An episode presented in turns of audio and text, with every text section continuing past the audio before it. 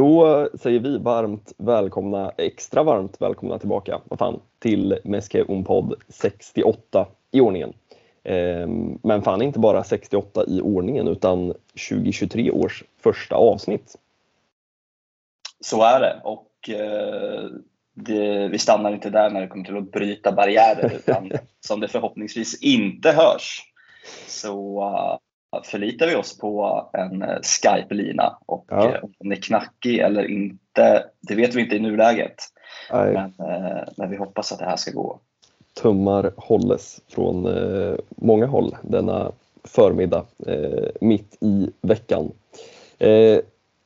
26 november noterade jag att vi jag vet för inte om vi satt här senast, men det senaste avsnittet publicerades eh, den 26 november och eh, gudarna ska veta att det har runnit en del vatten under de där eh, både allmänna fotbollsbroarna men också de blåröda eh, sen dess. Eh, Leo Messi har lyft en liten buckla.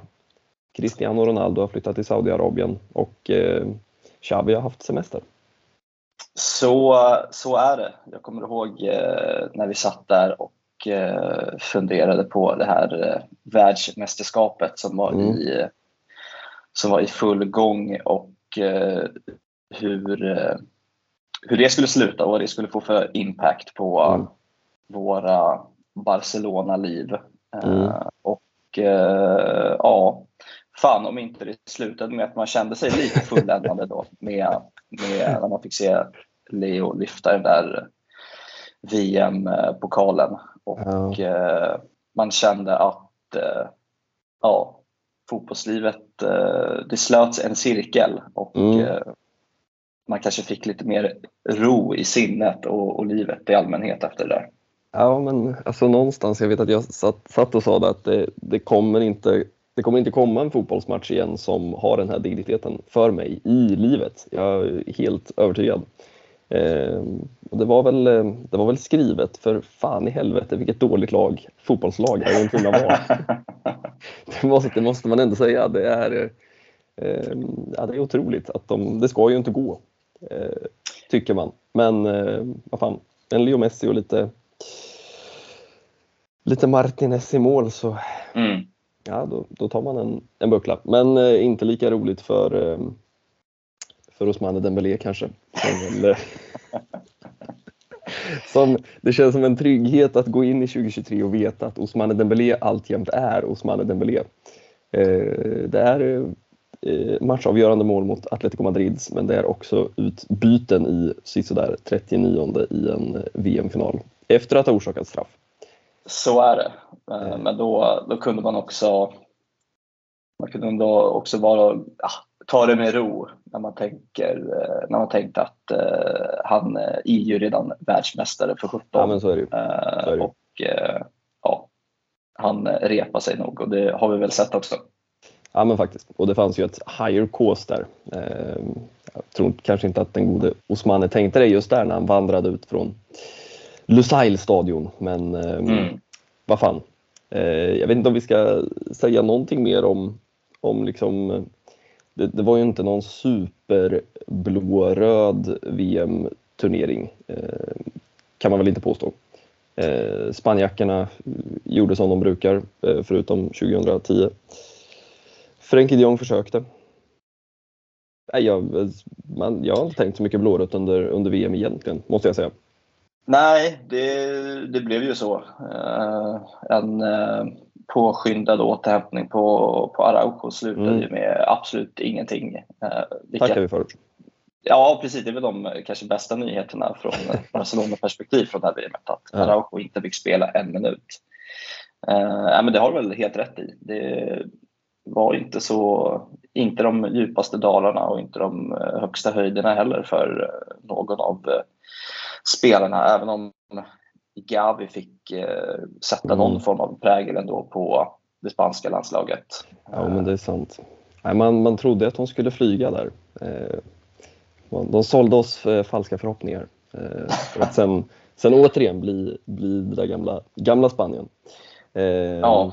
Nej, men vad fan, man tar väl med sig en, en Leo, en buckla och eh, jag bara noterade att jag såg El Derby Barcelona på nyårsafton med eh, lite andra ögon och det tyder väl på någon slags att den psykologiska krigsföringen i ens huvud är, eh, den är över. Eh, mm. Nu kan det bara, ja, det får bli som det blir va. Eh, och det blev som det blev. Eh, vi kanske ska börja där i någon slags så eh, trestegs matchraket. Det tycker jag. Eh, för det är väl eh, lite, ja det är väl det som har hänt i, i, i blåröda A-lagströjor som vi satt här senast i alla fall. De var ju smarta nog att flytta fram den där till en början ofattbara avsparkstiden. Den var väl lagd klockan 20.00 på på nyårsafton. Eh, detta eh, stekheta Derby Barcelona. Men, eh, men de, någon på förbundet eh, fick väl en, en snilleblixt och sköt fram den här matchen något så att man kunde sitta och eh, avnjuta en liten sen lunch och se på årets sista fotbollsmatch var det kanske inte, det var Premier League därefter. Men årets sista Barca-match i alla fall. Ja. Eh, ja, det var, jag vet inte, hur, vad, vad, har man att säga om derbyt egentligen? Nej, men det kändes väl som en klassisk liksom, eh, tillbaka efter landslaget eh, mm. match, tillbaka efter landslaget inställning och då är det, var det inte ett liksom, landslagsuppehåll med två, tre fighter i Nations League eller något kval utan det var ett VM på en månad. Mm. Uh, och uh, ja, det, det syntes väl och uh, Visst borde man väl ha tagit koll på den här matchen långt innan den ja, verkligen. Var 75 minuten när en, eh, en stämpling en, från Alonso orsakade den där straffen och innan mm. Mathieu Loss eh, fick fnatt och eh, delade ut sådär 1700 gula kort och eh, ja, han hade väl inte ens koll på hur många röda han delade ut heller där ett tag. Nej, det var, det var, det var förvirrat eh, under en period. Man, mycket, mycket Lahos har man ju sett men den där, den där sekvensen måste ändå kvala in på någon slags topp 10 i alla fall. Eh. Ja, och han gick väl från, om vi på tårna i VM igen, den här kaosmatchen mellan Argentina och mm. eh, Nederländerna. Mm. Direkt in i, i ett eh, Barcelona-derby och han fyllde väl upp den där kvoten på, på varningar eh, den här gången också. Ja, men det måste väl ha varit en sån här 30 varningar på två matcher. ja. Nej, jag, det, vi noterade ju också såklart att eh, jag har inte sett att Lahos själv har gått ut med och bekräftat att han ska lägga av. Det kom ju uppgifter från, ja, men från generellt sett ganska eh, källor som man litar på nere i Katalonien mm, om att, mm. att den gode Lahos nu lägger eh, korten på hyllan efter, efter säsongen. Eh, men det måste väl vara någon vecka sedan nästan? Ja, precis. Jag vågade väl inte heller basunera ut det där eh, till allihopa. Men eh, man, eh, ja, jag förstår inte varför man eh, inte ska tro på det där kanske egentligen. Det, det här kanske är den sista säsongen vi får se av en god eller oss. Ja, nej, man, nu har jag dålig koll i och för sig på vad, jag vet att vi har pratat om det förut, vad de har för sista matcher men man kan ju bara tänka sig en titelstrid som lever in i, i det sista och så har du ett hett möte där på, i 38 omgången och så släpper mm. du ut Lahos i karriärens sista autostrada. jag vet inte om man vill vara med då riktigt. Eh. Nej, han ogillar ju inte rampljuset och Eh, att agera huvudroll, det gör han inte. Nej, eh, sen, ja, jag vet inte, jag har nog ändå kommit till ro med mig själv i att för på ett sätt så kan man ju tänka då att liksom, det behövs profiler i spansk fotboll och Lahos är väl han är väl profilernas profil på något sätt men samtidigt så kan man väl vara en profil utan att vara fullständigt usel ibland. Ja, jag vet inte om du, nu tar jag det här lite på volley, men det fanns ju en väldigt stark domarprofil innan Laos känns det som. Och det var väl Itoralde va? Ja, just det. Med det lite yviga, långa, svarta håret. en uh, uppspärrad flick. Ja, nej fy fan. Han såg väl ut som uh, som någon av de här matadorerna i, i Ferdinand på Ja. Karankas jul. Liksom. Sprang runt var- och pumpade upp sig med bröstet. Du framkallar minnen som jag inte riktigt visste att jag hade. De är väl gömda djupt ner i någon slags traumatisk eh, del av frontloben på något vis. Ehm, nej, jag vet inte, man skulle ju vilja hänga med på någon slags så, eh, det är väl ett drömreportage att få hänga med på den spanska domarutbildningen och se vad fan de lär mm. eh, pojkarna som ska bli La Liga-män med korten i, i bröstfickan. Eh, nej, han hade ju sin helt egen lilla, lilla show. Eh, men där och då så kändes det väl också, jag menar nu har ju Real gått och tappat poäng och, och serieledningen är tillbaka men, men där och då så, så kändes det väl också lite och man visste att nu har vi, nu har vi liksom ändå ehm, eh, vi använder Robert Lewandowski här. Vi har, jag vet inte om vi ens orkar prata om detta byråkratiska haveri som är Robert Lewandowskis eh, avstängning. Robert Lewandowskis Nej. oklara jävla sits. Ja, Alltså, lämnas, det- eh, någon måste förklara för mig. För att det, alltså, varför har ingen, hur kan ingen ha bestämt det här under de en och en halv månader det inte har spelats fotboll på? Ja, Alltså jag, det är, eh, även för att vara spansk, man är ju, det är ju inga nyheter liksom att det kan fungera så här eh, där nere. Men vad vad fan? Alltså, Nej, det är konstigt. Det är Mm. väl eh, hur, eh, hur, hur, hur låg det till då? Det, han fick ju tre matcher ja. som alltså- överklagades. Ja precis, de tog det till det här jävla KAS som är någon slags så här skiljedomstol som Mm. står lite ö. Och det, det slutade väl med att liksom inför matchen mot Espanyol så var, då, då hade de inte kommit fram till vad beslutet skulle bli.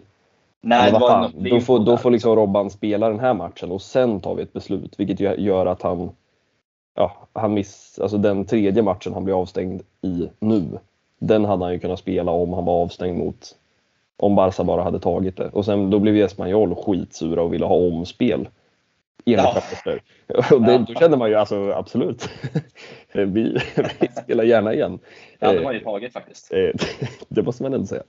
Men eh, ja, nej, jag vet inte. Men eh, jo, det var det jag skulle säga att man, man ändå använde Lewandowski då. Man, det är väl ändå ett, ett tecken på att, att man eh, satsade på det där jävla derbyt.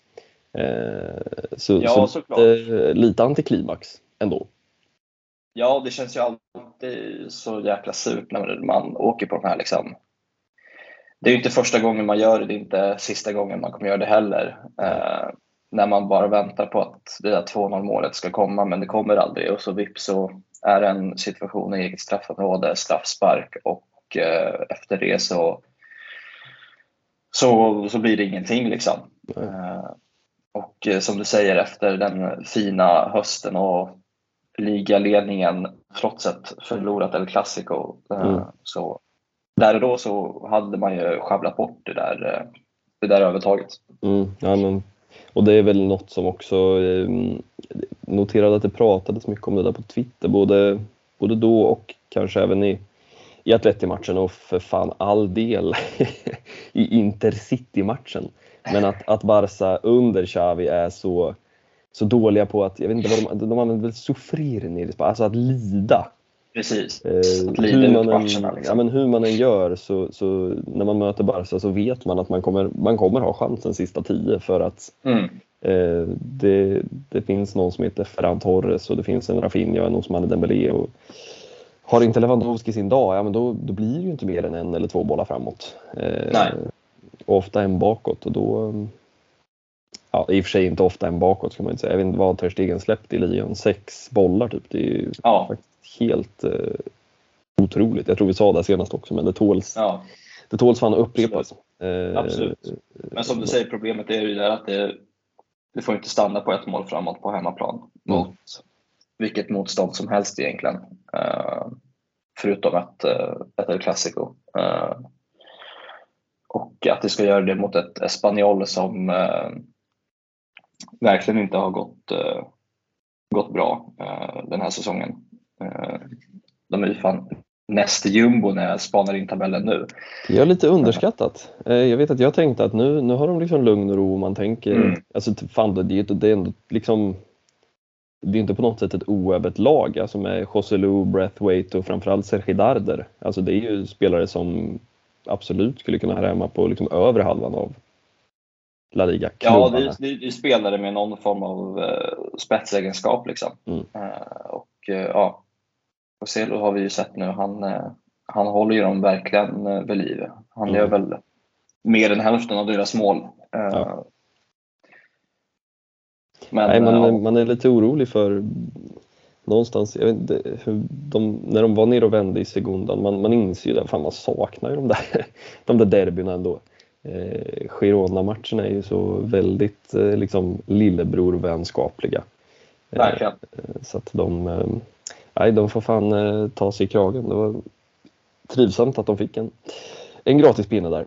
Eh, mm. Men jag vet inte, har, har vi någonting det, det, det kändes också som du inledde med, liksom så här, ja, men efter landslagsuppehållsmatchen. Det kändes inte riktigt eh, som att alla var där. Eh, Nej, det var väl lite så här, ja, nu städar vi väl av den här sista matchen. Ja. Som också på något konstigt sätt känns som den första matchen eftersom ja. ligan återstartar och vi, de flesta har varit i Qatar och spelat VM-fotboll. Liksom. Ja. Uh, så nej, det kändes väl som att man, eh, ja, man var inte där eh, mentalt. Det, det syntes väl. Mm. Och sen eh, får man väl eh, smula ner en, eh, en nypa underskattning i, i, i, det där i det receptet så, mm. så slutar det med 1 liksom. Ja, nej, men det känns som en ganska återkommande, alltså ineffektivitet framåt och sen ett, ett eh, det är väl tufft att kalla det kanske ett individuellt misstag när man trampar någon på, på skon. Men, men eh, någon typ av... Nej, eh, det blir jävligt, jävligt of... Han liksom, Alonso stirrar ju på bollen medan han springer. Råkar trampa han rätt i hälen liksom med dobbarna. Det är... Det, är men det är verkligen, det känns som att det ofta är den där typen av av enskilda, vad ska man kalla det då, liksom konstiga situationer som, som sätter mm. laget i, i trubbel på något vis. Så är det. Ehm, jag vet inte vad man, vad man hade för nyårslöfte men, men ehm, man önskade att man stod där och blundade och önskade sig en effektiv Ferran Torres. Men eh, den som, ja. man, ska, man ska inte önska för mycket. Man, man får väl önska sig en Ansu Fati som, som tar kliv eh, under det här ja. Vi kanske ska återkomma lite till, till någon slags eh, större 2023-blick efter denna eh, trestegare. Eh, men med det sagt så ska vi ju bege oss till, eh, till Alicante och till denna fantastiska eh, klubbfotboll Intercity. Ja, vad har vi på Intercity? Ja, det är inte så jävla mycket insåg jag. Jag vet att jag har de spelar ju samma division som, som Rafa Marquez gäng, Barça B. Mm, noterade där att Barcelona B-laget hade väl spelat någon form av 0-0 kryss mm. eh, mot dem för inte så länge sedan. Mm. Men eh, ja, desto målgladare var de ju nu i alla fall. Ja, men man... Eh, jag, jag, jag, gillar ju de där liksom första rundan i Copa-matcherna. Eh, höll ju på att gå åt helvete. Det är väl den säsongen där de faktiskt vann kåpan till slut. Då var de ju riktigt illa ute. Eh, jag kommer inte ihåg vilket lag de mötte då. Då var det på en sån jävla konstgräsplan. Ricky Push utbytt efter 45. det var, var bara mörkt. Eh, ja. Så gick de hela vägen. Men det här var ju ändå en eh, det var mest där jag var orolig för egentligen, att de skulle komma till någon sån för den som har dålig koll på den spanska fotbollen och tänker att eh, allt ser ut som La Manga och att det är fantastiska gräsplaner överallt så kan man ju bara berätta att eh, de spelar ju på konstgräsplaner från en annan division eh, mm. som inte alltid är så trevliga. Men Intercity bjöd ju på en, vad man kunde se i alla fall, ganska hyfsad gräsplan eh, genom Sportbladets eh, tv-sändning. Mm. Det är eh, uppenbarligen rättigheter som inte är så attraktiva är väl den slutsats man får dra med all respekt för Sportbladets tv-satsningar. Men det är ju trevligt att ha Makoto med sig i och för sig. Det ska man inte fråga på. Nej men vilken, vilken, vilken start på året. Ja, vilken, jävla, vilken jävla holmgång det blev. Liksom. ja. Jag trodde ju att allt var liksom klappat och klart. Ja. Där visst kan man släppa in ett mål på bortaplan. Liksom. Ja. Men när eh, Soldevila, som jag läser mig till här, mm. knä, knäpper dit tre, var det sista i 86 och matchen går till förlängning, då känner man ju att eh, vad i helvete är det man, man håller på att ställa till med nu liksom. Ja, nej. Ehm, det, är väl en, det går inte riktigt heller att sätta fingret på vad det, vad det, det var som att det, ska vara, det var skrivet att Soldevila skulle göra tre bollar den där kvällen. Ja. Det, det bara hände saker överallt. Sen eh, kändes det väl som att Intercity var ganska slutkört där i, i förlängningen. Eh, det var väl ingen, ingen skräll att, att Barca skulle avgöra det där till slut men eh, det är lätt, att, lätt att sitta här i efterhand och, och säga det så länge Soldevila var kvar på, på planen. ja, nej, det, han kommer väl ta med sig det där in i graven liksom. Ja, det, det liksom... När Står han... väl på någon gravsten om eh, 60-70 år. Liksom. Ja, men man behöver inte fundera på vad han ska berätta för barnbarnen när han berättar tillbaka på sin, eh, sin fotbollskarriär. Eh, Nej.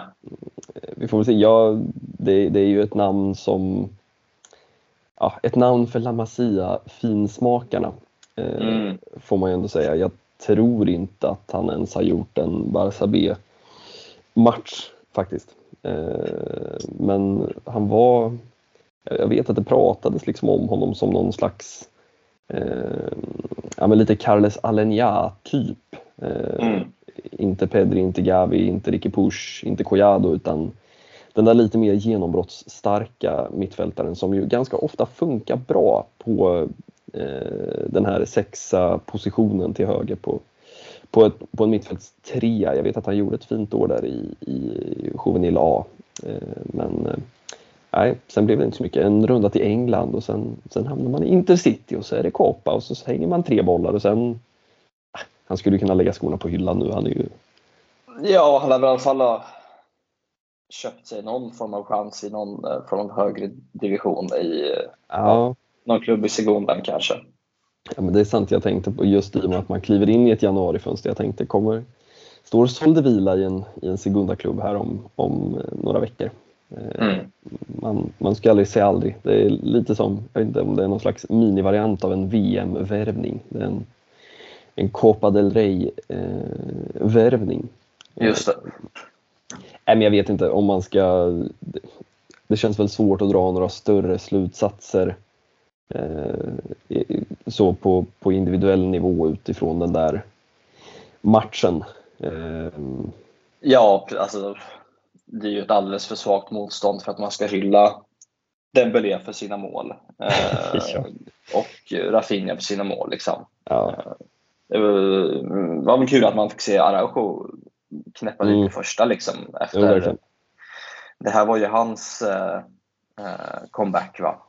Ja, efter fruktansvärt lång tid. Eh, jag, ja. jag, jag reagerade, Makoto sa väl där liksom att när jag vet inte när det var han gjorde sin senaste ligamatch. Det var ju slutet på september tror jag. Eh, sen det är klart att liga, det blir extra långt då med tanke på att det varit uppehåll och man har varit helt borta mm. från det. Men, men ja, nej, han eh, ska vi inte gå händelserna i förväg, men han visade ju mot Atleti också vilken ja, vilken fantastisk jävla mittback det där har blivit. Eh, det trodde man inte eh, när man såg honom de första stapplande stegen i, i Barça B och han lyfte luftpastejer.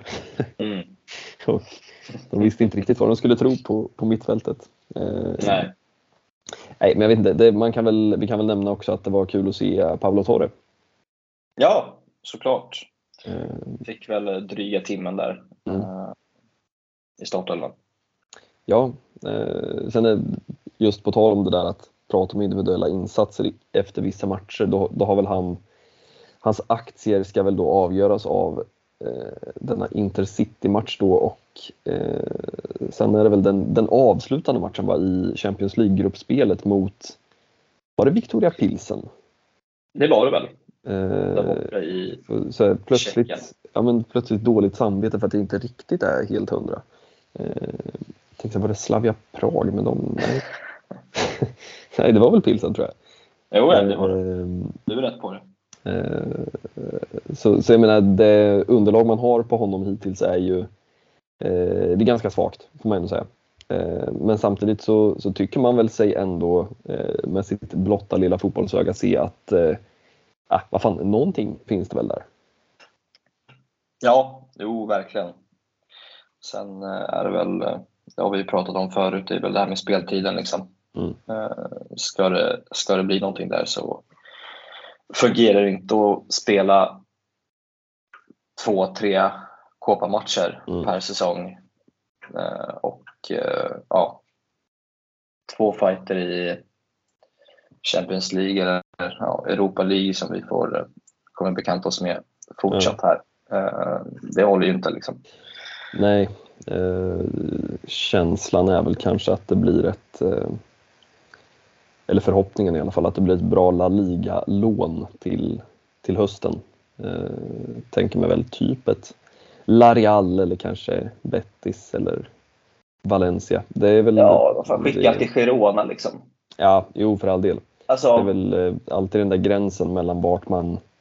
Ja, ska man göra en Nico Gonzales och, och kliva lite högre, eller vad man ska säga. Eh, eller ska man göra en, en Collado och gå till Elche som väl är det sämsta La Liga-laget på väldigt många år. De har väl knappt vunnit en match på hela... De är väl redan avsågade tror jag.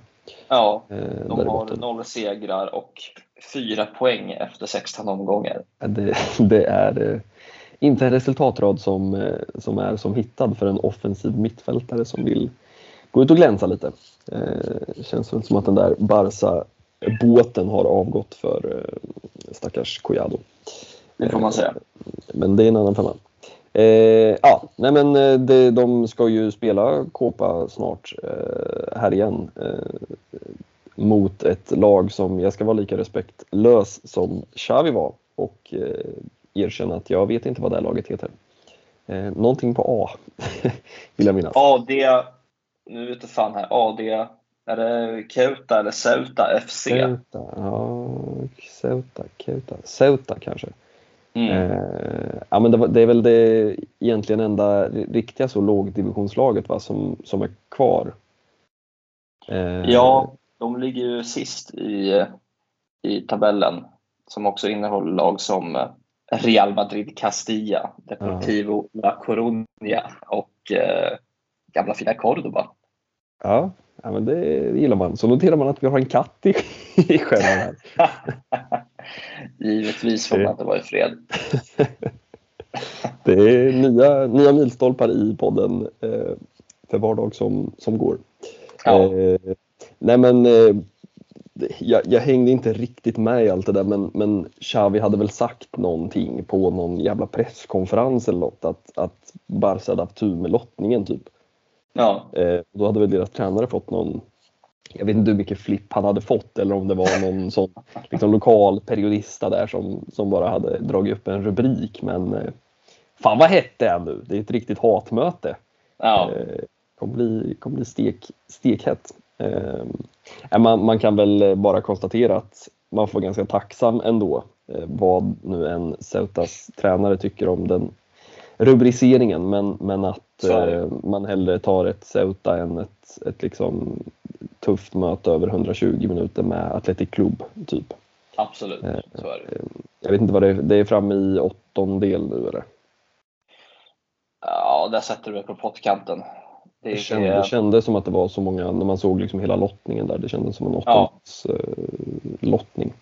Mm. Eh, men det blir ju, jag vet inte, hur tycker du man ska prioritera våren? Nej, men alltså så här, så länge man...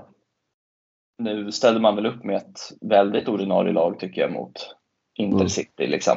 Det är ju inte någon form av gammal Barcelona taktik i kåpan att man har tre, fyra B-spelare på bänken. Så mm. var det ju verkligen inte nu. Mm. Men jag tycker fortfarande att så länge man får de här typen av lag så, så är väl rotationer fullt rimliga mm. på sin plats. Liksom. Visst kan Dembélé och Rafinha finnas med på topp, men Pablo Torres ska ju ha sin plats i startelvan. Mm. Med Fränkesi och Beirin ska väl harva där ute på, på. Och... Ja, kanske får se Erik Garcia i spel igen efter eh, det som känns som en närmare evighet. Eh, funderar ibland på vad han sitter och funderar på där på, på bänken. Det känns som att han helt plötsligt har fallit väldigt långt bak i, i, eh, i rangordningen. Eh, ja, han är väl ändå nu på den där fjärde platsen bland mittbackarna. Eh, och det är väl där han, han, han hör hemma också, alltså, tycker jag. Ja, men lite, lite, Jag har varit kritisk mot Erik Garcia förut, men visst har han väl gjort okej okay insatser. Men det är klart Christensen och Kondé och Araujo eh, och gänget går mm. före. Eh, mm. Det är ju ingen snack om den saken. Liksom. Nej, verkligen. Eh, vi kanske ska använda dansken för att byta fokus till denna ja, men på riktigt riktiga stormatchen. Alltid speciellt att, att bege sig till, till Wanda. Ja, utan eh, spjutspetsen mm. eh, på plats. Eh, liksom. Eh, med Robert Lewandowski. Eh, mm. Och eh, nej, fan vad vi fick se dem lida. och det var ju på något sätt jävligt, jävligt fint ändå att, ja. att det gick vägen liksom. Ja, nej men det, det, känns som att det var en match där det fanns väldigt mycket att ta med sig ifrån. Eh, bara det faktumet att jag noterade eh, någon klok twittrare där som konstaterade att det var alltså första gången, om, om den här nu twittraren hade rätt, som Ronald Araujo, Pedri och Ansu Fati startade en match tillsammans. Oj, den känns och sjuk. Jag ska inte svära på att det är sant, men eh, det låter ju rimligt med tanke på Fatis skadeperiod och hans försiktiga matchande. Liksom. Ja, men och att liksom Araujo också är skadad stup i kvarten och att Pedri är gjord av glas och vilas här och där. Eh, men eh, mm.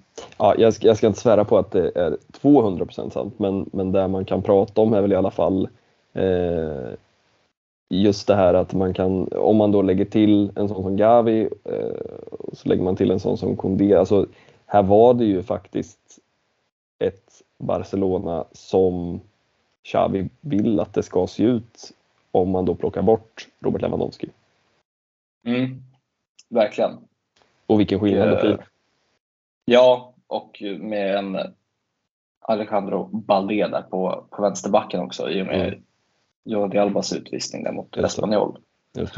Uh, han uh, ja, blev imponerad att han, han, han fortsätter hålla. Liksom. Ja, men det, är väl, det är väl den där fyrbackslinjen med uh, Kondé, Araujo, Christensen och Balde som man väl ser helst om man får välja helt fritt. Ja, men det, absolut, det, det håller jag med om. Uh, de gjorde en riktigt stark, stark insats, hela backlinjen. Eh, jag tycker Christensen gör väl, gör väl sin starkaste eh, insats mm. i Barca-tröjan så här långt. Liksom. Eh, jag har inget bra motbud. beredd att, köpa. Han är ju... Ah, man, man blir glad av spelare som någonstans aldrig liksom syns. det känns som att man lätt glömmer att Andreas Christensen finns och spelar fotboll.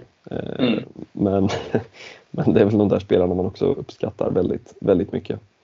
Eh, den enda spelaren egentligen kanske i elvan som inte ska vara där, eh, det är väl Sergio Busquets.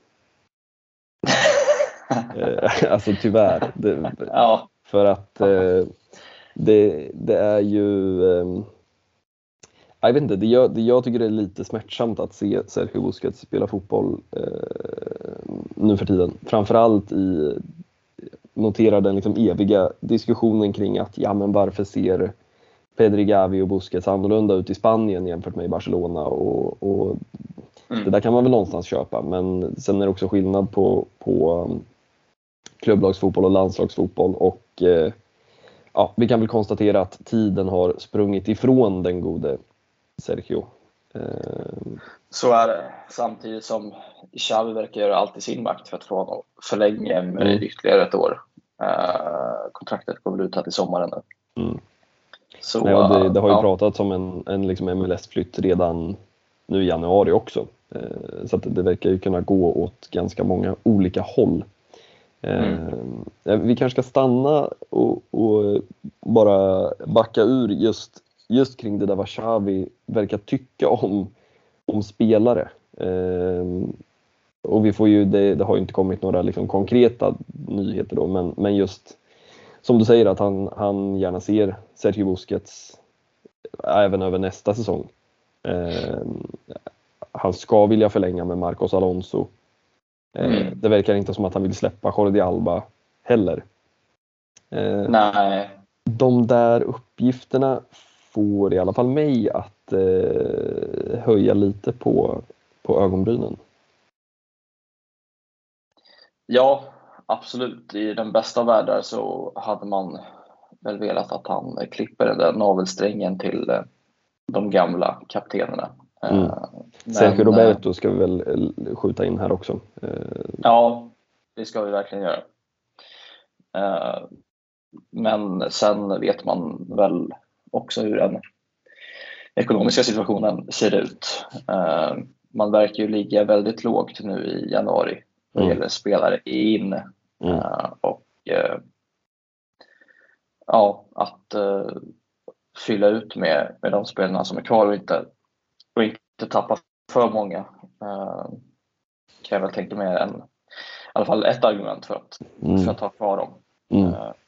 Även om ja, jag om någon ser en förändring både på högerbacksplatsen och eh, eh, Busquets som, som pivoter. Liksom. Mm.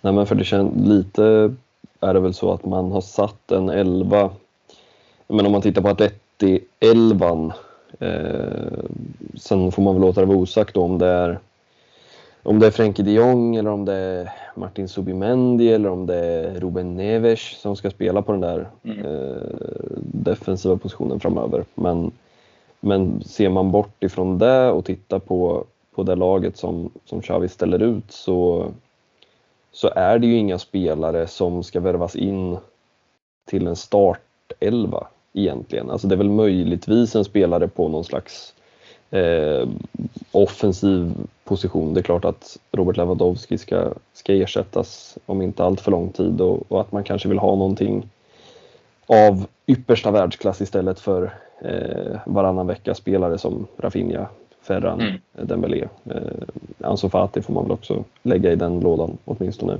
just nu. Eh, men, men annars så är det ju inte så mycket Alltså jag har svårt att se att man i nuläget tittar på spelare som ska kliva in i en startelva. Eh, utan att det snarare handlar om att man måste kanske hitta nya spelare, vilket ju fan kan vara det svåraste av allt nästan. Eh, alltså att hitta spelare som kan fylla roller som inte innebär att de ska spela 38 matcher från start i ligan. Eh, och att de spelarna då måste hålla högre kvalitet eller ha lägre lönecheckar än spelare som Alonso, Busquets, Jordi Alba, Frankesi mm. för all del. Eh, Memphis Depay. Eh, alltså om man tittar på truppen så är det ju faktiskt de typerna av spelare som, som, som inte har fungerat. Eh, vilket ju har blivit ganska tydligt med tanke på hur skadesituationen har sett ut. Eh, jag menar, skulle Xavi ha kunnat ställa upp den här Atletico 11 plus Lewandowski en hel höst då tror jag att det hade sett ännu bättre ut än vad det faktiskt har gjort. Mm. Eh, ja, men det, det köper Sen, ja, hur de ska lösa det där på marknaden, det, det får ju Alemani. det är hans problem. Eh, ja. Och mindre vårt. Men eh, nej, det ska bli det ska bli väldigt spännande att se vad de hittar på i, i sommar. Alltså. Om, om det nu blir så att de sitter helt still i, i båten nu i, i, i januari. Jag vet inte, ska vi, har vi något mer att säga om denna Atletico Madrid-insats? Den som vi nämnde tidigare här, han blixtrar ju till. Liksom. Mm. Uh, väldigt fint anfall där när han, när han får göra 1 målet med Pedri som släpper den till Gavi som släpper ut den till, till Dembélé. Mm. Ja, ett fantastiskt eh, fotbollsmål, måste man ju säga. Eh, ja, ver verkligen. På många sätt. Men, men sen är man väl lite tillbaka i det där, för att återkoppla till där vi typ började. att Återigen så känner man väl att eh, ja, både matchbildsmässigt men, men också chansmässigt att, att man skulle behöva punktera med ett 2-0 mål och, och att man sen kommer ut och jag menar den första halvleken är ju sen är väl också, det funkar väl ofta så när man möter Atletico Madrid att Atletico Madrid är aldrig lika bra som Atletico Madrid i underläge. Atletico Madrid i underläge, då, då spelar de fantastisk fotboll. Eh, mm. När Simeone släpper på, på på hängslena. Ehm, men det, det, är väl, det är väl det som blir spännande att se också nu under våren. Alltså kommer det se ut på samma sätt att man, eh, man, man har ju en höjd som är hög. Eh, både liksom utfallsmässigt och spelmässigt. Eh, men man kan åka till Wanda Metropolitano och alltså äga en första halvlek. Det är väl inte ett fel mm. epitet att, att sätta ändå. Eh, men man har också den här hemska förmågan att sätta sig själva sen i situationer som innebär att den där trean aldrig är säker. Eh, jag menar, kommer, det, kommer det att se ut så hela våren? Det är, lite, det är lite där man vill, vilket ju såklart också beror på hur mycket kontinuitet Xavi kan få med liksom den här elvan, att spela in en elva. Men, men någonstans är det väl där man vill se utvecklingen i laget Barcelona under tränaren Xavi. Ja, verkligen. För herregud, vi ska väl inte sitta här och förvänta oss att det går vägen som det gjorde nu varje gång. Mm. Eh, utan eh, visst måste man ta steg framåt där. Det kan inte se ut så att man att det är till pressur som utav bara helvete där. Mm. Eh, när de tvingar eh, stegen och, och skicka långt gång på gång på gång mm. i de sista 30-35 minuterna. Liksom. Och det är väl, ja, där ser man väl att det, en Robert Lewandowski hade väl gjort saker och ting annorlunda med att ja, kunna agera spets liksom, istället för en Tani Ansu Fati som ska kämpa mot eh, Savic och och Jiménez. Liksom. Mm. Vi måste väl också bara hålla någon slags tyst minne. Vet du vart jag är på väg? Ja, jag vet vart du är på väg. till, till den spanska fotbollens två största tuntar. och, eh, och eh, nu tappar jag namnet bara för det. Stefan Savic? Eh, Stefan Savic. Eh, för att eh, ja, det var det var fascinerande att se. Man uppfattade inte riktigt vad som hände där i, för, liksom i första läget. Man förstod att någonting hände men bildproducenten mm. höll väl liksom kameran på. Ja. Eh, och sen var ju snabb så otrolig domarinsats för övrigt, måste jag säga. Eh, det känns som att vi alltid sitter där och klankar på domare, men fan vad bra han var. Jag tycker att han, han eh, det var väl något läge där i i slutet när jag tycker att de får en helt oförklarlig frispark precis ja, vid straffområdeslinjen. Det är sant. Som är jag sant. absolut inte förstod. Men annars tycker jag att José Monoera som han så fint ja. heter eh, ändå höll upp det bra. Det håller jag med om. Ja, men bra nivå. Det är sällan man ser en domare i Spanien som klarar av att hålla en, en hög nivå. För han höll ju en hög nivå. Han mm. släppte ju mycket. Eh, men sen brukar det alltid bli då att, att till slut så tar de ett gult till 27 och sen måste de hålla kompensationsnivån uppe. Och, nej, stark, stark jävla insats och som då kröntes med att han gjorde oss alla en tjänst och skickade av båda dessa dårar från, från banan. Eh, ibland ja, önskar man att man de... kunde införa rörligt material i poddar för att eh, de där ah, jag vet inte, det är någon som rycker någon i håret och det är någon som drar. Ja, det känns som ett riktigt så här, mellanstadiebråk. Liksom. ja. Mellan två grabbar som har liksom varit luver på varandra hela dagen och så plötsligt bara exploderade timmen ja. innan läraren ska skicka hem dem. Liksom. Ja, nej, ja. De har varandra i något liksom halvt chokehold och ja. drar varandra i byxorna och trycker ner och drar i håret. Nej, det var, Historiskt. det var ju helt rätt. Bara ut med dem liksom. Ja, nej, och det är väl på något sätt, det, det, är två, det är väl också det som är intressant att det är två så olika profiler. Alltså Stefan Savic, han har väl skämt ut sig. Jag tänker direkt på den matchen mot Manchester City i Champions League förra våren blir det ju. Eh, då inte bara han ska sägas, det var många spelare som skämde ut sig den kvällen. Men eh, mm. det var väl Phil Foden han var på då och eh, samtidigt så har man en Ferran Torres. var som fick eh, känna ja, på lilla hår eh, hårdragningen. Ja, just det. Ja, då var det ju, fick väl, det var väl knappt att de kunde gå ner i omklädningsrummen efter matchen.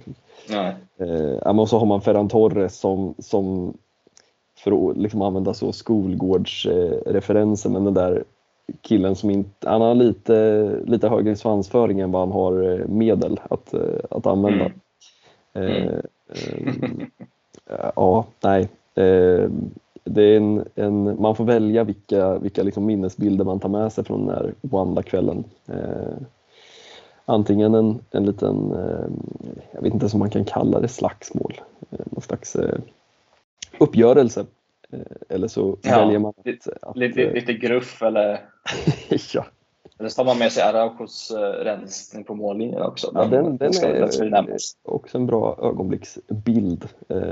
Jag väljer nog ändå Pedris när han tar emot bollen och har den här pausan som man pratar om innan mm. han bestämmer sig för att löpa igenom halva Atletico Madrid-försvaret. Men tre starka jävla pinnar är väl det man kan konstatera i alla fall. Och en, ja. en ligaledning. Ja, Real åkte ju på, på däng på mm. La Ceramica mot eh, de gula ubåtarna. Mm. Eh, som gjorde en riktigt fin match. Den, den satt jag och kollade på också faktiskt. Ja. Eh, de, de, har ju något bra i det där laget ändå. Kikiset igen. Ja, det är väl lite um det är väl också ett väldigt bra bevis på hur fotbollen fungerar. Jag menar, efter de, det var väl tre matcher så stod väl publiken upp och, och skanderade att de inte ville ha med honom att göra längre och nu är han väl eh, mm. kung där nere. Eh, mm. Det går fort, men som du säger, det, och vi har väl pra, jag, vi, vi, har pratat mycket via Real förut också. Eh, just med tanke på den Champions League-autostradan de hade och denna extremt intressanta person som Unai Emery är. Eh, men de sitter ju på en jävla bra trupp. Eh, jag håller ju fast vid att jag tycker att eh, jag tycker att de är absolut La Ligas fjärde bästa lag. Eh, sett till vad de har för, för spelare i, i sin trupp. Eh, sen finns det konkurrens där, ska ju sägas. Men det är ju, den där, det är ju en fjärdeplats som är jävligt öppen med tanke på att Sevilla väl snarare verkar fundera på sekundan i år än någon, någon Champions League-plats. Jag vet inte, det blir väl kanske Real Betis som tar den där till slut. Mm. Eh, det hade varit mäktigt. Eh, mm.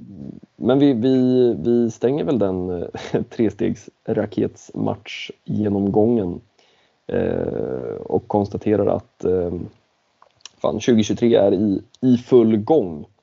Eh, men, men kanske är det på sin plats att, att ändå prata lite så förväntningar och eh, kanske framförallt förhoppningar eh, inför våren, säsongen, mm. året som, som komma skall. Vi, vi, pratade väl ganska mycket Xavi senast som något slags bokslut. Vi var väl nästan på dagen, eller i alla fall på månaden, så sedan hans ankomst till Barcelona då i, i november. Eh, men, men det finns ju, jag vet inte riktigt vart man börjar och vart man slutar men eh, det, jag tror att vi redan då pratade om att det blir på många sätt en vår som, som kanske är den viktigaste våren på jävligt länge i, i klubbens, eh, åtminstone någon form av så moderna historia. Ja, verkligen. Uh, och jag tycker ändå vi pratade väl en del om att det vi vill se är ett Barcelona som eh, igen kan liksom vinna de här toppmatcherna. Eh, mm. Och det är väl ett gott tecken att man åker till Wanda och tar med sig tre poäng. Ja men verkligen. Som en start liksom. Mm. Nej, för det tittar man tillbaka på, vi har väl använt den där statistiken ganska många gånger. Eh, och just Atletico är väl det laget som man faktiskt har vunnit mot historiskt mm. också och även under de här åren. Då. Men, men eh, vi brukar väl använda Real och Atletico i ligan och sen använda Champions League-matcherna som någon slags underlag och då ja, tittar man på liksom de fyra, fem senaste åren så eh, ja, det, det är inte ljust alltså. Eh, Nej, det är väl eh, det var väl under, under Koman där som man blev utspelade på, på Wanda för, mm. vad kan det vara, två år sedan. Ja, uh, och man såg helt håglös ut. Mm. Och Luis Suarez uh, sänkte, stänkte in en boll liksom, och, mm. som han hade släppt. Uh, och ja, så någon form av framsteg har, har ju ändå gjorts. Liksom. Mm. Men men det är en, det är en jäkla väg att vandra fortfarande och förhoppningen är väl också att det ska sluta med ett eh, ligaguld. För mm. fan vad viktigt det skulle vara för självbilden och eh, för hela det här projektet som man, som man har byggt upp. Liksom. Mm. Ja men verkligen. Det är, jag, jag tror inte nog att det går att understryka eh, skillnaden på att eh, sen visst man, man skulle kunna gå och, och vinna Copa del Rey i vår och ja, det, det är en trofé, det är en titel men eh, ja, man, det är ju inte så ofta eh, och jag tror att man kom, när man kommer titta tillbaka på den här perioden och det inte blir ett ligaguld i år.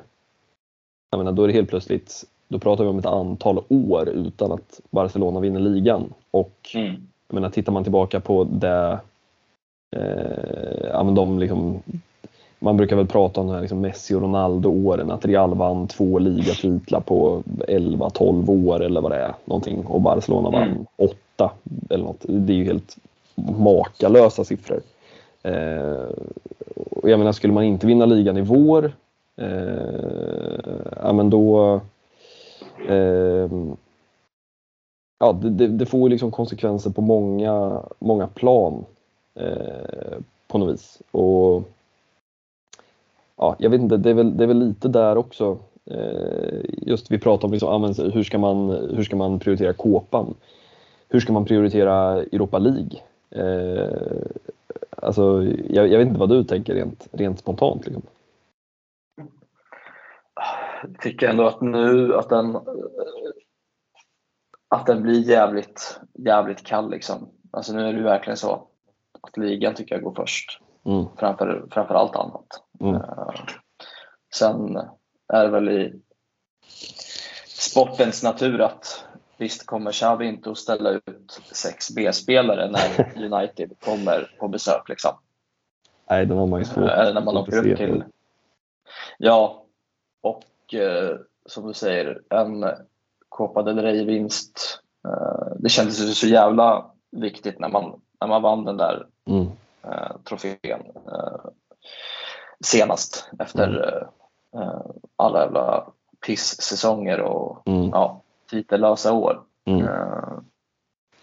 Och ja, skulle man ta en, en inhemsk dubbel så, så är det väl en, en riktigt ja, det, är, det, är, det är en bra säsong. Det är en mycket bra säsong kan man mm. tänka sig till. Mm. Uh,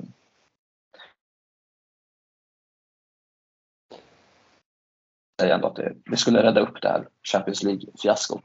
Uh, för uppenbarligen är man inte redo där på den andra högsta nivån. Det, det, får man ju liksom acceptera, mm. känner jag i alla fall. Mm. Nej, det finns då... fortfarande saker och steg att ta. Ja, verkligen.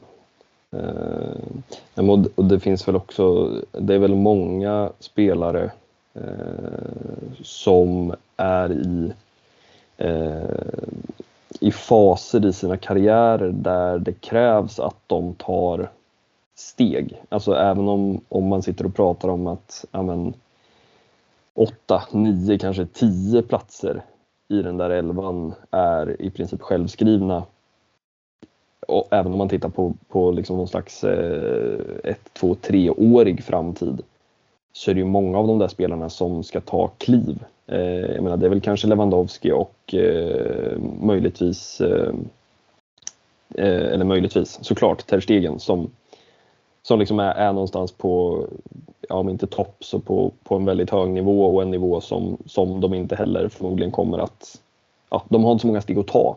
Eh, de är där de ska vara. Eh, Medan man ju såklart då vad gäller Pedro Gavi och Araujo som är i den åldern men också de spelarna som, som man är lite mer tveksam över. Eh, och det är väl där jag tror att det kanske kommer att avgöras i slutändan. Alltså det vill säga vad händer med Rafinha, vad händer med Dembélé, vad händer med Ferran Torres, Ansu Fati, Frenkie de Jong? De spelarna, om de spelarna kommer upp i en nivå där de mycket väl skulle kunna hamna, eh, då har du plötsligt en trupp som är oerhört stark. Men vi har också sett att, jag menar, får, kommer inte Frenkie de Jong bli den spelare som Frenkie de Jong verkligen borde bli för fotbollens skull? Eh, kommer Osman Dembélé, vilket väl är ganska troligt, fortfarande vara Osman Dembélé? Eh, kommer inte Rafinha hitta rätt? Ja, men då har man ju problem. Då saknas mm. det ju då saknas det en, en, en liksom spets. Eh, det är klart att du kommer inte att kunna bli ett av världens bästa fotbollslag med dagens Osman Dembélé som yttermittfältare. Eh, och vem som ska spela på den här vänsterkanten, det, det vet man inte riktigt heller. Alltså kommer Ansu Fati hitta Nej. rätt? Eh, ska Ansu Fati spela som nia när Lewandowski försvinner? Eh, vi har väl många gånger pratat om att den där eh, trean framåt är där man hela tiden funderar på att, att den där backlinje fyran och den där mittfältstrion, ja, men där, där har man koll på grejerna. Eh, men, men just det där framåt. Eh, och just för att återkoppla till den här våren, att det känns som att det kan när vi sitter här i maj och, och spelar in eh, avsnitt eh, 80 eller vad det blir. Eh, det kan ju vara så att Eh, jag menar, smäller Rafinha in 7-8 bollar och är matchavgörande hela våren. Det kan också vara en Rafinha som är totalt iskall. Det kan vara en mm. Dembélé som hittar rätt och håller en nivå som, som han stora delar gjorde under hösten eh, och även våren. Eh, fast på en kontinuerlig bas, ja men då, eller så händer ingenting. Alltså det, det känns ganska ovisst på många sätt. Eller håller, håller du med mig? Ja, men det, gör jag och det, och det är ju de här, alltså alla spelare du nämner i de här investeringarna som man har plockat in för att, för att ta laget till liksom nästa nivå. Uh, och ja, det är, de spelarna som ska vara avgörande. Det är de som är skillnaden mellan ett uh, ligaguld eller en uh, sur andra plats liksom. Mm. Uh, så är det. Nej, för det bara slog mig under, under um, Atletico-matchen, även om då inte, inte Lewandowski var med då, då eh, så blir väl det lite speciellt. Men, men tittar man på de spelarna som spelar den matchen, eh, jag menar Kondé är ju en investering. Eh, Frenkie de Jong är en investering eh, och Osman Dembélé är definitivt en stor investering.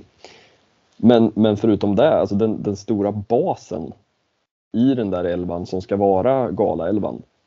Det är ju egna spelare och spelare som man har hittat på vägen på något vis. Mm. Eh, det är ju verkligen inte ett, ett äh, om man tittar på typ Manchester City som har värvat i princip varje spelare för 50 miljoner pund. Sen har de hittat rätt med varje jävla värvning och det är, ska de ha all cred för. Men det, det är liksom ett konstigt lagbygge, Barcelona. Det, det är som mm. att man bara har fått pusselbitar ner från där kommer någon uruguayan från Boston River som visar sig vara jävla fältherre och där kommer Pedri och mm. här har vi en 16-åring, han heter Gavi och Ansu Fati kommer här och här är här kommer en dansk från Chelsea som visar sig vara en klipp. Alltså, mm. Det är lite ja, man, man, förstår ju att det inte är en, en sportslig plan som typ Manchester City som har funnits där i åtta år utan att det har varit verkligen så ut och in och upp och ner och bak och fram mest hela tiden. Eh, och att det är väl också det som har gjort att spelare som Pedri Gavi, Ansu Fati, eh, Balde för all del har släppts fram. Eh, det är väl knappast någon, någon nyhet. Eh, men eh, fan, det är ju bara att spänna fast sig och, och hänga med känns det som. Eh, man, en sak kan vi lova och det är att det kommer vara eh, underhållande på många sätt. Eh, Minst sagt. Jag vet inte om man, om man får... Eh, har du någon önskning liksom inför... Stod du där på, på tolvslaget och, och, och tänkte på Xavis grabbar? Ja, Barcelona fanns inte i, i, i, mina tankar då. Det, det ska jag vara ärlig nog att erkänna. Trots, Men, trots ett derby Barcelona bara timmar tidigare. Ja, ett derby Barcelona som hade liksom orsakat någon form av magsår medan man, ja. man, man satt där och såg det krampaktiga spelet. Liksom. Ja. Uh, nej, men uh, vad fan. Det, en önskan är väl att det, att det ska bära vägen såklart. Liksom. Mm. Att, uh, att, de, att de unga spelarna, den här tridenten, liksom Pedri, Gavi, Araujo ska ska fortsätta ta de här, de här stegen som du, eh, mm. som, som, du pratar om. Liksom. Mm. Uh, för, för gör de det så är det en jävla stomme man, man, man sitter på uh, mm. till framtiden. Ja men verkligen. Jag måste också bara lyfta Ansu Fati. om, man, om man får ha en önskning mm. så, så, så, är det väl att att han ska få ett bra 2023, att han ska hitta tillbaka. Eh, det, det ser ju fortfarande... Eh, ja, det ser inte bra ut liksom. Nej, man har ju sett det där. Man börjar, man börjar bli så gammal så att man har sett det där många gånger nu. Eh, mm. Det är ju... Ja, det är inte så konstigt att det ser ut som det gör, men, men ja, man, man, har ju också sett spelare som, som, som kan ta sig tillbaka. Jag menar, det, är inte, det är inte omöjligt. Sen kommer han inte ha den kanske extrema explosivitet som han hade när han, när han kom fram. Eh, vilket väl kanske ytterligare är ett, ett argument för att det ska bli en nia eh, av honom till slut. Eh, vi får väl se hur det blir med, med den saken. Men eh, eh, det är väl ett, ett, en jävla viktig vår för honom också. Eh, Verkligen. Känns det som. Även om jag tror att alla, alla har liksom, ett högt förtroendekapital och eh, någon slags eh, tålamodskapital eh, för den goda Anso. Det verkar eh, Jag vet inte om vi ska avsluta med att säga någonting om, eh, det har ju varit rätt, rätt lugnt Eh, ja, men både på, eller rätt lugnt, men det har varit rätt lunkigt både vad gäller Barça B och eh, Femini. Mm. Eh, som ju ändå har hållit igång. Eh, de har väl haft uppehåll båda två, men, men ändå hållit igång ja, men en ganska bra bit in på VM, åtminstone femini. Eh, ja, så var det Spelat, spelat sig vidare i Champions League. Eh, till slut. Och eh, ja, vi behöver väl inte prata så mycket om det där ligaspelet. Det, det är väl som det brukar. Eh, ja. Ungefär. Och eh, vi kan väl bara konstatera att Victor Barbera fortsätter att, eh, att göra mål i, i Barça B. Mm. Eh, det är väl en, en, spelare som jag misstänker, eller en spelare som jag kan väl till och med säga att jag tycker att man borde kunna få se i en Copa-trupp. Eh, han har väl varit uppe någonting med A-laget men, men inte, inte så mycket som, som man kanske hade tänkt sig än så länge.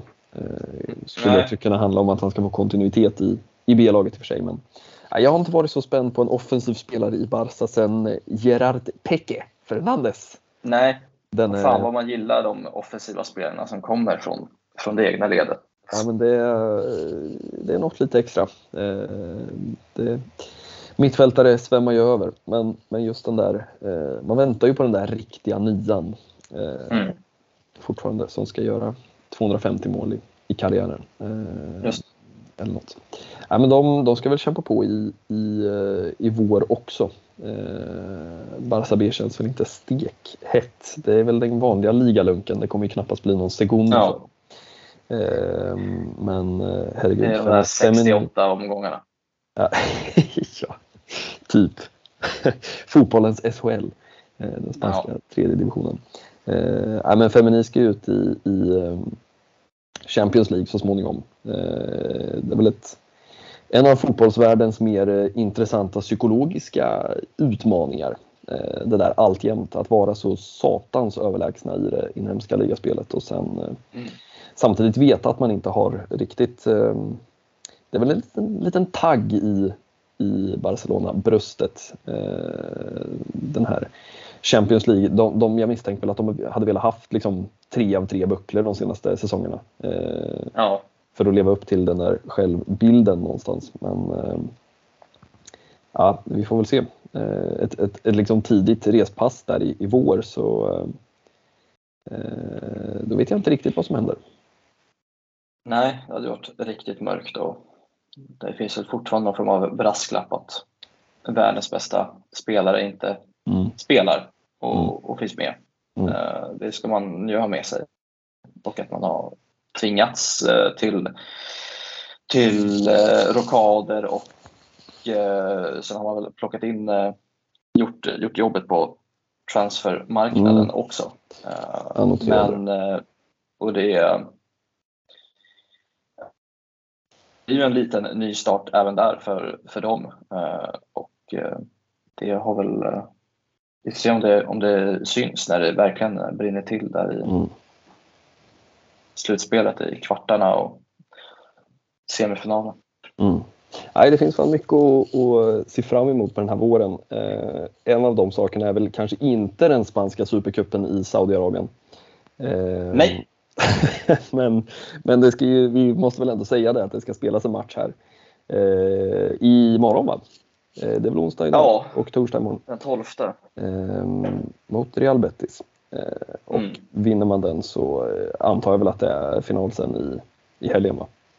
Ja, och det är väl Real Madrid och Valencia som... Ja, ja Eller Atletico? Inte den... Jag menar Betis vann, det var ju en, en derby final i Copan, men jag vet inte om det är Copa-torskaren eller om det är liga trean som kliver vidare. Atleti kom väl trea i ligan? Jo, det är Real Madrid mot Valencia i, mm. ikväll. Ja, då kan det är väl ganska... Det är väl inte omöjligt att det blir ett klassiko i finalen. Det känns ju också sådär lagom spännande. Men vad fan, mm. eh, vi ska väl inte säga så mycket om, om den. Eh, utan bara konstatera att det är iskallt. Eh, ja. Som sig bör. Eh, men... Där borta i öknen. ja, inte, inte, inte bokstavligt kanske, men billigt, billigt talat. Nej, eh, nej men vi, vi ehm, vi eh, ska väl jobba hårt den här våren också. Eh, det blir en stor vår för Meske Unpod eh, också eh, med alla dessa tekniska framsteg. Jag hoppas verkligen att jag ska få ut det här på internet sen. Men det ska vi nog lyckas med. Men vi, vi lovar väl återkomst någon gång under, under nästa vecka. Lite beroende på vad som händer här, här ute i världen. Så är det. Och eh, jag vet inte, har vi några avslutande visdomsord för första gången i 2023?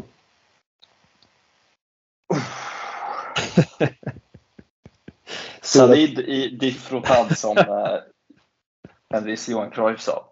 Ut och njut! Det är starkt. Eh, på återseende. Vi hörs. Tja, tja, tja.